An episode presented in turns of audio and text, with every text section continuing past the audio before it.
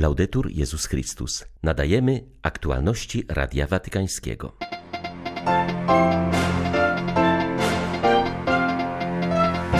Papież Franciszek zachęcił Polaków do działań na rzecz dobra wspólnego.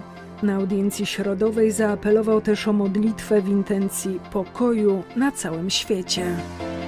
Nie ustaje zaangażowanie Watykanu w pomoc humanitarną dla napadniętej przez Rosję Ukrainy. Szczególny wysiłek kierowany jest na powrót do domów ukraińskich dzieci, które przeżywają piekło deportacji. Ponad 90 tysięcy paczek od Caritas Polska trafiło na Ukrainę. Organizacja chce wysyłać kolejne. Życie mieszkańców pogrążonego w wojnie kraju jest coraz cięższe. 10 stycznia wita Państwa Beata Zajączkowska. Zapraszam na serwis informacyjny. Tematowi łakomstwa osobistego i społecznego poświęcił papież kolejną z w nowym cyklu na temat wad i cnót. Podkreślił, że Jezus nauczał, iż to nie samo jedzenie jest złe, lecz relacja, jaką z nim mamy. Powiedz mi, jak jesz, a powiem ci, jaką masz duszę, mówił Franciszek i przestrzegał przed żarłocznością społeczną, która, jak wskazał, zabija naszą planetę. Rzuciliśmy się na wszystko, by stać się panami wszystkiego. Tymczasem wszystko zostało powierzone naszej pieczy. Oto wielki grzech, szaleństwo żołądka. Porzuciliśmy imię ludzi, by przyjąć inne, konsumenci. Nawet nie zdawaliśmy sobie sprawy, że ktoś zaczął nas tak nazywać. Zostaliśmy stworzeni, aby być mężczyznami i kobietami eucharystycznymi, zdolnymi do dziękczynienia, powściągliwymi w korzystaniu z ziemi, a zamiast tego zamieniliśmy się w drapieżników. A teraz zdajemy sobie sprawę, że ta forma łakomstwa wyrządziła wiele szkód nam i środowisku, w którym żyjemy. Pozwólmy, aby Ewangelia uleczyła nas z łakomstwa osobistego i łakomstwa społecznego. Prośmy Pana, aby pomógł nam na ścieżce wstrzemięźliwości, aby wszelkie formy obżarstwa nie zawładnęły naszym życiem.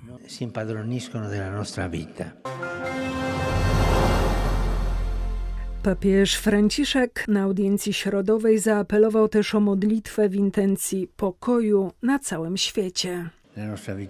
Zachęcam do odnowienia naszej modlitewnej bliskości z umiłowanym narodem ukraińskim, który został tak bardzo doświadczony, oraz ze wszystkimi, którzy cierpią z powodu horroru wojny w Palestynie i Izraelu, a także w innych częściach świata.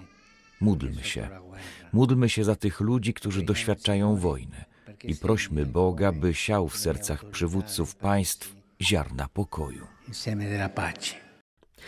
Pokój, którego tak bardzo pragniemy, rodzi się w sercu człowieka, mówił Franciszek, pozdrawiając polskich pielgrzymów, którzy przybyli na audiencję ogólną do watykańskiej auli Pawła VI. Pozdrawiam serdecznie Polaków. Na początku nowego roku ważne jest, aby pamiętać, że pokój, którego tak wszyscy pragniemy, rodzi się w sercu człowieka. Niech Maryja, Królowa Pokoju, wspiera nas, by nasze plany i decyzje wypływały z pragnienia dobra swojego, waszych rodzin, ojczyzny i całego świata. Serca Wam błogosławię. Celebracje 60. rocznicy historycznej podróży Pawła VI do Ziemi Świętej przypadły w czasie trwającej wojny, jaką państwo Izrael prowadzi przeciwko Hamasowi w Gazie. Wspomnienie tej wizyty, podczas której papież Montini wielokrotnie nawoływał do zgody między religiami i narodami, przypomina o dialogu ekumenicznym oraz o wartości pokoju, którego należy bronić i promować go za wszelką cenę. Papież Paweł VI jako pielgrzym modlił się w świętych miejscach Judei i Galilei oraz spotkał się z lokalnymi wiernymi, którzy przyjęli go z radością i entuzjazmem. W Jerozolimie doszło do podwójnego spotkania pomiędzy biskupem Rzymu a ekumenicznym patriarchą Konstantynopola Atenagorasem. To braterskie spotkanie rozpoczęło i wskazało drogę dialogu ekumenicznego opartego na wzajemnym szacunku i głębszym zrozumieniu między kościołami. Chrześcijanie w Ziemi Świętej nadal czerpią inspirację i zbierają owoce tego epokowego spotkania – Prawosławny patriarcha Jerozolimy Teofil III jest przekonany, że współpraca w zakresie renowacji i konserwacji miejsc świętych, zwłaszcza bazylik Bożego Grobu i Narodzenia Pańskiego, była możliwa dzięki duchowi tamtego spotkania – Również łaciński patriarcha kardynał Pizzaballa uważa, że powrót Piotra do Jerozolimy był dla wszystkich chrześcijan początkiem nowej drogi zbliżenia, ponownego odczytania i uzdrowienia swoich historii, pragnienia i tęsknoty za utraconą jednością. Z Jerozolimy dla Radia Watykańskiego ojciec Jerzy Kraj, franciszkanin. Koreańscy katolicy już po raz tysiąc czterechsetny modlili się o pokój i pojednanie. Robią tak co tydzień od 1995 roku. W Seulu wierni gromadzą się na Eucharystii w stołecznej katedrze, a następnie razem odmawiają modlitwę świętego Franciszka o pokój. Przypuszcza się, że we wspólną modlitwę włączają się też duchowo wierni z Korei Północnej. Tradycję cotygodniowej modlitwy o pokój zainicjował w 1990 1995 roku kardynał Stephen Kim, ówczesny arcybiskup Seulu i administrator apostolski Pjongjangu.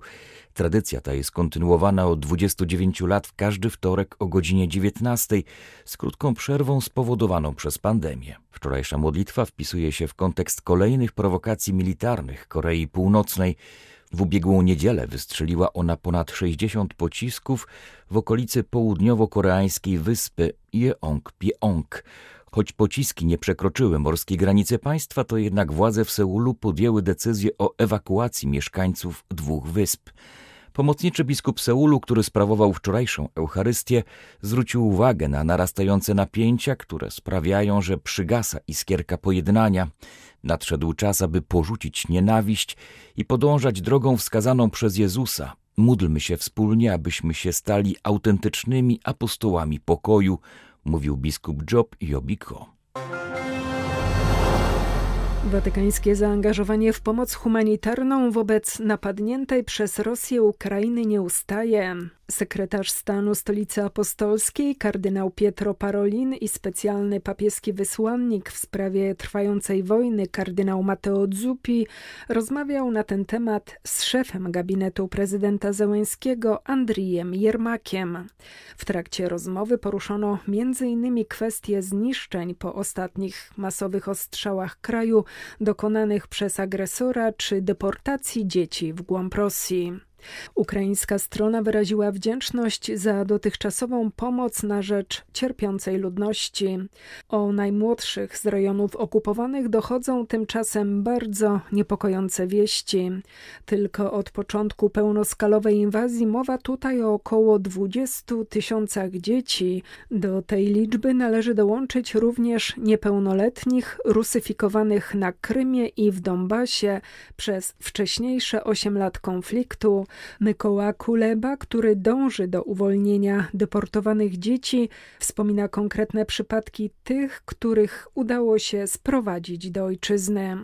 Wskazuje na stosowanie przez Rosjan wychowania opartego na groźbach. One kazali, ty всегда должен помнить ту руку, которая тебя кормила. Oni mówili, Zawsze powinieneś pamiętać tę rękę, która cię karmiła. Jeśli wspomnisz coś złego o Rosji, nie będzie ci się przelewać. Masz nam dziękować i zawsze pamiętać rękę, która cię karmiła. Oto co kochający wychowawca na ziemiach moskiewskich lub na naszym okupowanym terytorium mówi ukraińskiemu dziecku.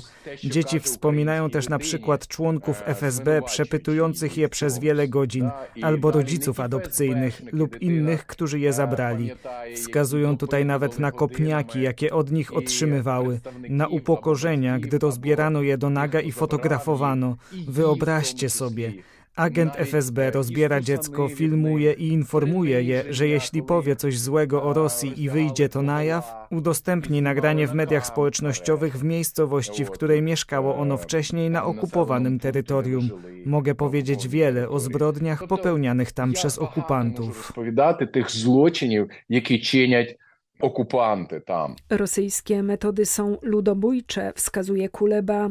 Często zrusycyzowani chłopcy zostają potem wysyłani na wojnę jako żołnierze. Zaznacza, że wiele dzieci wywieziono przez Białoruś. Okupanci stosują wszelkie możliwe metody, aby nie dało się dotrzeć do informacji o deportowanych nieletnich, mówi ukraiński działacz humanitarny. Дітей важко знайти, особливо маленьких дітей, яких немає. Niełatwo odnaleźć te dzieci, zwłaszcza małe dzieci, które nie korzystają z mediów społecznościowych, a ich telefony mogą zostać im odebrane. Tak było w przypadku osieroconego chłopczyka Serhijka, którego również osierocona siostra pojechała do Rosji, aby go znaleźć. Został już umieszczony w rosyjskiej rodzinie zastępczej, która nie chciała oddać go dziewczynie. Siostrze powiedziano: Dziecko nie wróci na Ukrainę. Macie tam wojnę, a on będzie żył w Rosji. Podoba mu się tutaj. I w ciągu tych wcześniejszych miesięcy, kiedy przebywał w tej rodzinie, tak nad nim pracowali, że chłopczyk sam rzekł swojej siostrze: Nie pojadę na Ukrainę, bo tam zabiją mnie naziści. To właśnie słyszał od nich przez cały czas. I przez kilka godzin dziewczyna rozmawiała z nim i próbowała dotrzeć do jego serca, do tego, że byli bratem i siostrą. I udało nam się sprowadzić te dzieci do ojczyzny. Dziś ten chłopczyk szczęśliwie dorasta w ukraińskiej rodzinie. І сьогодні цей хлопчик щасливо росте в українській сім'ї. W ostatnich dwóch miesiącach na Ukrainę trafiło ponad 90 tysięcy paczek od Caritas Polska. Życie mieszkańców jest tam coraz trudniejsze. Większość z nich ma problem z dostępem do artykułów pierwszej potrzeby. Właśnie dla nich przekazano ostatnio 16 ton darów o wartości blisko miliona złotych. Na Ukrainie wciąż znikają domy, szkoły, szpitale i miejsca pracy. Zniszczenia infrastruktury prowadzą do przerw w dostawie elektryczności i gazu. Mieszkańcy miast ostatnio niemal ciągle spędzają czas w schronach i piwnicach, często nieogrzewanych i pozbawionych prądu. Zastępca dyrektora Caritas Polska Ireneusz Krause podkreśla, że pomoc, którą niesie organizacja, trafia tam, gdzie jest najbardziej potrzebna. Tam, gdzie trwają działania zbrojne, tam, gdzie infrastruktura nie działa do końca. Chodzi o to, aby te osoby, które nie mogą często wyjść z domu, albo nie mogą dalej podróżować, albo są odcięte w jakichś trudnych rejonach dostępu, do nich ta paczka jest kierowana, właśnie taka fizyczna, bezpośrednia pomoc, tak żeby dane gospodarstwo domowe, dana osoba przez jakiś czas była samowystarczalna. Najważniejsza jest pomoc żywnościowa, podkreśla ksiądz Wieczesław Gryniewicz, dyrektor Caritas Spes. Do potrzebujących dociera dzięki współpracownikom i wolontariuszom Caritas na Ukrainie. Bardzo spodziewamy się, że ta wojna się skończy i mamy tą ogromną nadzieję, a jak widzimy w różnych miejscach trafia się periodycznie różne, różne sprawy i nie tylko tam na wschodzie czy na południu, ale też i w tych miejscach, które wydają się być bezpiecznymi i nie jest tak łatwo, żeby przestać się bać, przestać się chować od, od tych ataków. Dlatego zwracamy się z taką prośbą i też słowami wdzięczności, że potrzebujemy tej pomocy, bo ona jest dla nas takim zapleczem, które gwarantuje, że ludzie nie będą głodni, nie będą spragnieni, da poczucie bezpieczeństwa, że możemy bardzo szybko odpowiedzieć na te wyzwania, które stoją w pierwsze dni, w pierwsze tygodnie ataku. Jak można wspomóc akcję? Wejść na stronę caritas.pl i za pośrednictwem strony internetowej wesprzeć finansowo tą akcję. Caritas Polska przygotuje taką paczkę i wyśle na Ukrainę. Każda paczka przygotowywana przez Caritas Polska zawiera 30 produktów. To żywność z długim okresem przydatności do spożycia i artykuły higieniczne. Dla Radia Watykańskiego Tomasz Zielenkiewicz. Były to aktualności Radia Watykańskiego. Laudetur Jezus Chrystus.